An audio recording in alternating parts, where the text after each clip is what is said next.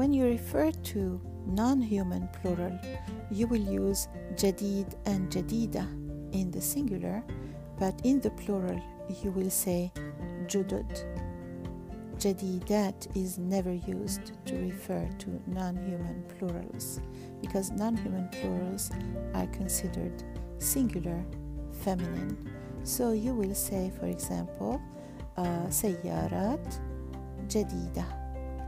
and if you're referring to something masculine in the plural, like kutub, for example, you will still say jadida, kutub jadida.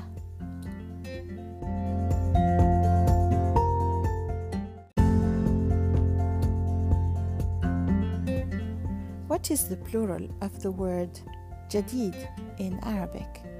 Well, if it's masculine, it's judud, uh, and then you would say, for example, tulab judud.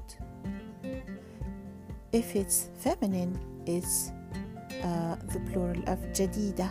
Jadida is the feminine singular, the plural is jadidat, like talibat, jadidat.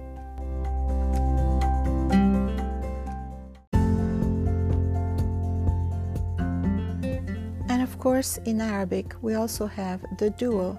In the dual, you say jadidan for the masculine and jadidatan for the feminine. Of course, not including non human plurals which take feminine singular.